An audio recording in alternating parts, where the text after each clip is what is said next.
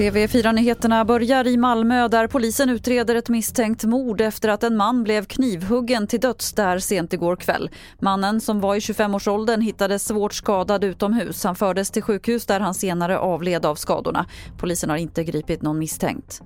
I Norrköping var det något som detonerade vid ett flerfamiljshus i natt. Smällen ska ha varit kraftig och det ska ha blivit skador på byggnaden men inga personer ska ha kommit till skada.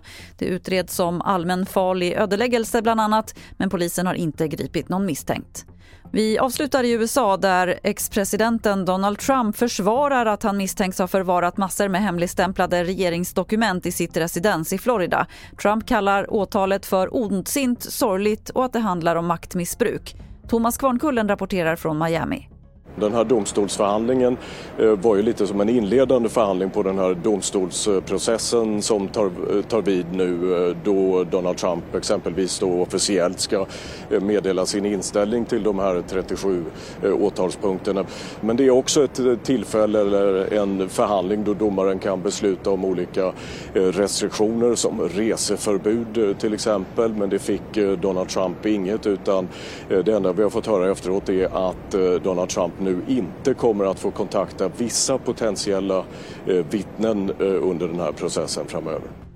Fler nyheter finns på tv4.se. Jag heter Lotta Wall.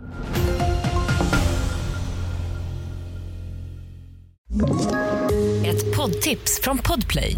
I fallen jag aldrig glömmer djupdyker Hasse Aro i arbetet bakom några av Sveriges mest uppseendeväckande brottsutredningar går vi in med hemlig telefonavlyssning och, och då upplever vi att vi får en total förändring av hans beteende. Vad är det som händer nu? Vem är det som läcker?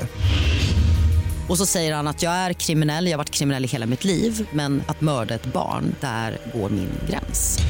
Nya säsongen av Fallen jag aldrig glömmer på Podplay.